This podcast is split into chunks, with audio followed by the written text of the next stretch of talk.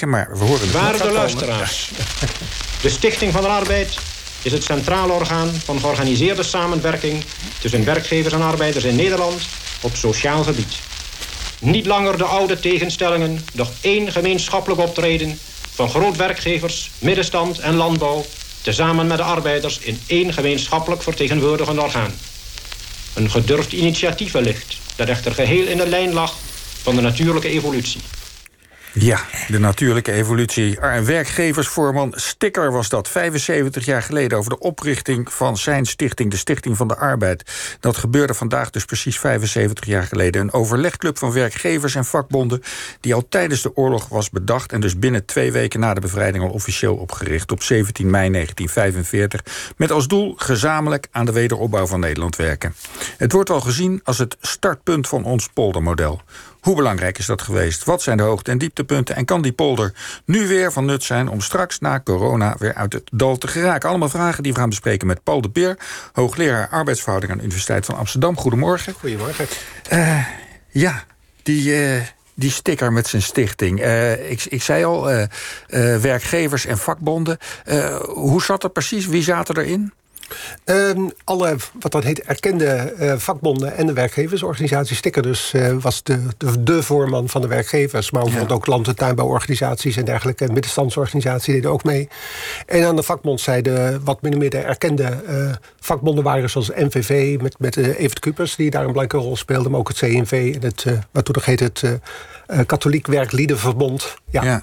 Want die, al die clubs waren tijdens de oorlog al stiekem bij elkaar gaan zitten om dit te bedenken. Klopt, ze waren eigenlijk. Uh, in eerste instantie wilden ze in de Tweede Wereldoorlog gewoon hun werkzaamheden voortzetten. Uh, dat werd toch al snel eigenlijk onmogelijk gemaakt door de Duitsers, omdat mm -hmm. een NSB'er Woudenberg aan het hoofd bijvoorbeeld van de NVV werd ge, geplaatst.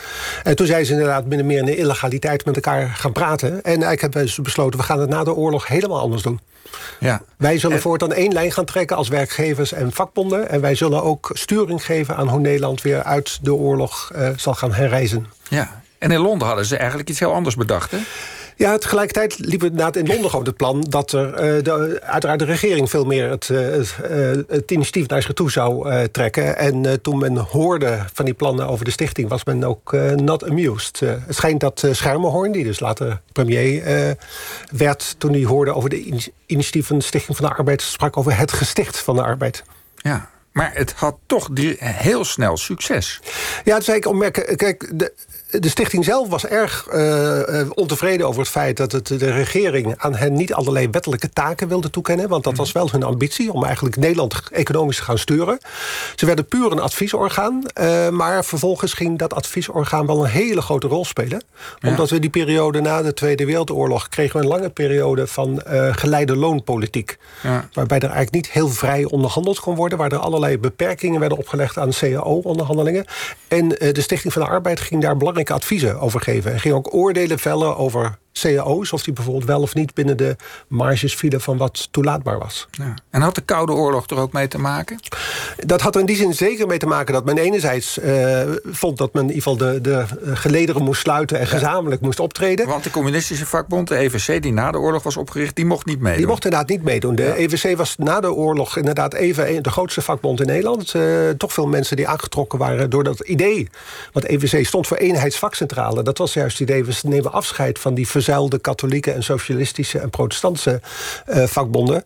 Maar die mochten niet meedoen, want dat werd inderdaad als een mantelorganisatie van Moskou gezien. En dat heeft er uiteindelijk ook toe geleid dat de EVC het niet zo heel lang heeft volgehouden. Ja, ja want op politiek gebied was er ook dat idee hè, van de doorbraak. Dat was in Sint-Michielsgestel ja. bedacht. Voor die oude partijen moeten ook niet terugkomen.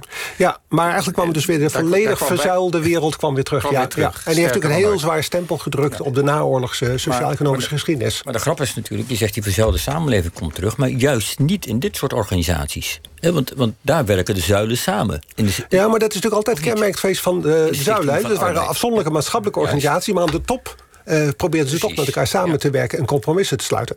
En dat ging ook niet, niet altijd natuurlijk gemakkelijk. Er waren natuurlijk meer dan genoeg conflicten. Maar ze waren het wel over eens dat ze uiteindelijk toch tot een compromis moesten komen... om gezamenlijk ons land de goede richting op te sturen. Ja, en dat, dat is zeg maar die basis van die polder die toen gelegd is in 1945. Ja, ja, en met veel succes kan je zeggen. De geleide loonpolitiek, die eigenlijk betekende dat in Nederland... de lonen amper omhoog konden gaan...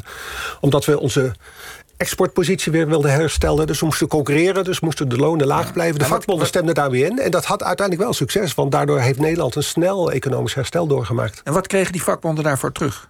Nou, eigenlijk niet zo heel veel in eerste instantie. Wat wel, dat staat ook in, in het manifest van de Stichting van de Arbeid. Dat wordt wel het historisch compromis genoemd.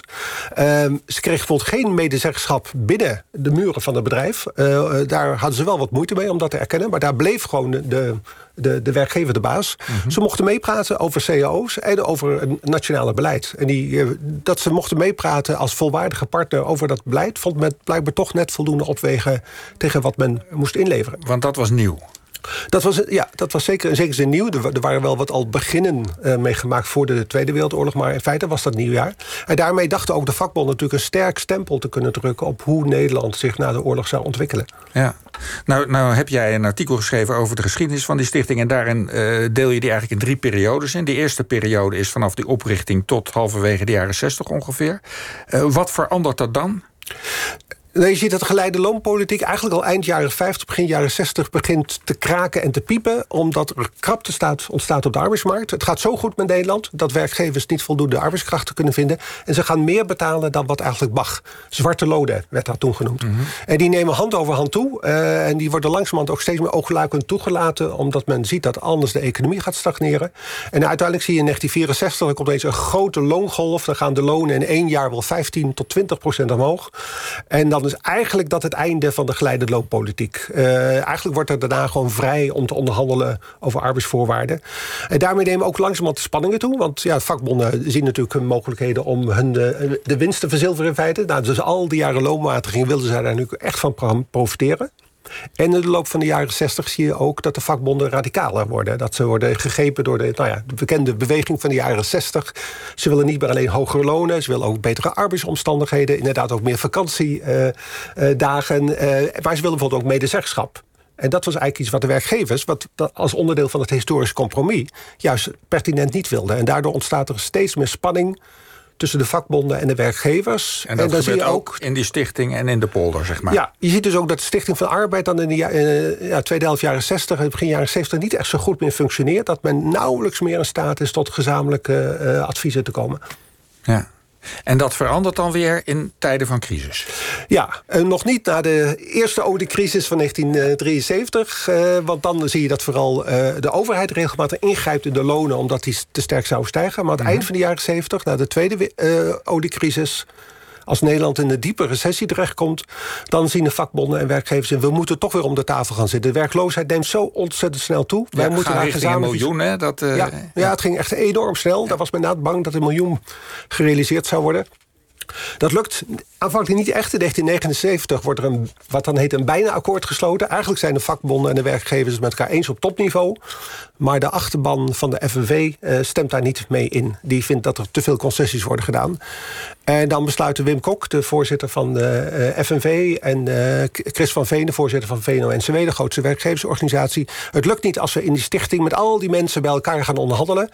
Dus Chris van Veen nodigt Wim Kok uit om bij hem thuis in Wassenaar te gaan praten. En ze komen daar een aantal keren bij elkaar. En dan slagen ze er uiteindelijk in tot een compromis te komen.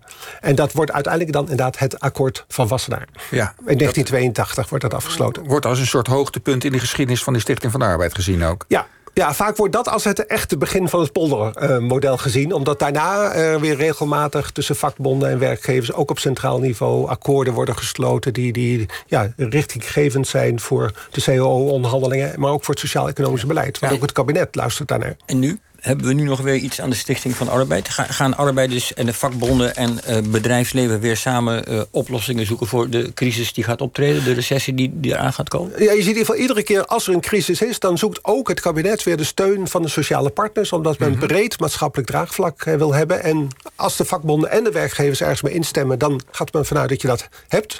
En nu, zeker in deze periode, nu we zitten met een kabinet wat geen meerderheid heeft in de, in de Eerste Kamer, hebben we er des te meer belang bij om breed maatschappelijk draagvlak te krijgen... om bijvoorbeeld ook de oppositiepartijen in de Eerste Kamer mee te krijgen.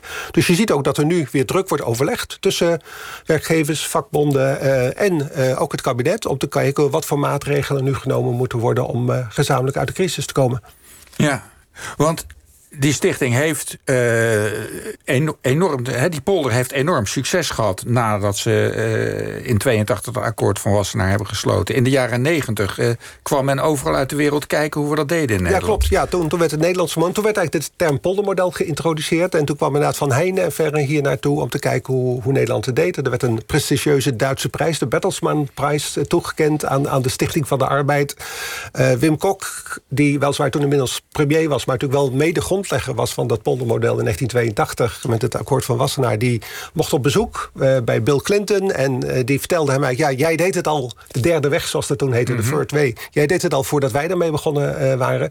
Dus dat Nederlandse model gold toen inderdaad internationaal als een, als een groot voorbeeld. Ja. ja om uit de crisis te krijgen, om economisch succes te krijgen. En als het dan, uh, als het dan heel goed gaat, dan lijkt het overbodig. Ja, kijk, als het goed gaat economisch... dan denken beide partijen natuurlijk, zowel werkgevers als vakbonden... ja, wij kunnen beter misschien op eigen houtje onze gang gaan. Dan kunnen we misschien meer bereiken. Uh, pas als de, de spanning heel groot wordt en men merkt dat men er beide eigenlijk belang bij heeft... om een compromis te sluiten... dan zie je dat er echt belangrijke akkoorden komen.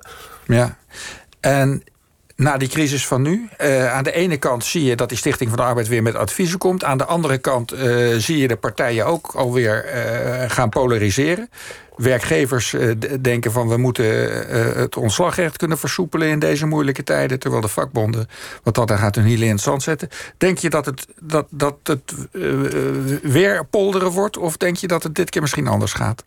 Nou, op dit moment is men daar natuurlijk weer druk mee bezig. gisteren gaven ook Hans de Boer en Han Busker in de NRC aan dat zij op dit moment met elkaar aan het praten zijn om te kijken hoe ze in de tweede fase van steunmaatregelen die nu wordt voorbereid voor het bedrijfsleven ja, tot een gezamenlijk standpunt kunnen komen. Maar nu speelt de vraag: mogen bedrijven die steun krijgen toch mensen ontslaan? Nou, de vakbonden wilden dat per se niet. De werkgevers wilden dat wel. Dan kan je natuurlijk het af laten hangen van wat het kabinet beslist. Maar zij lieten duidelijk uh, blijken dat ze proberen daar zelf met een compromis te komen. En als zij tot een compromis komen, dan is de kans gewoon heel groot dat het kabinet het gaat overnemen. Ja, en is de kans groot dat die Stichting van de Arbeid ook zijn honderdste verjaardag nog wel gaat vieren?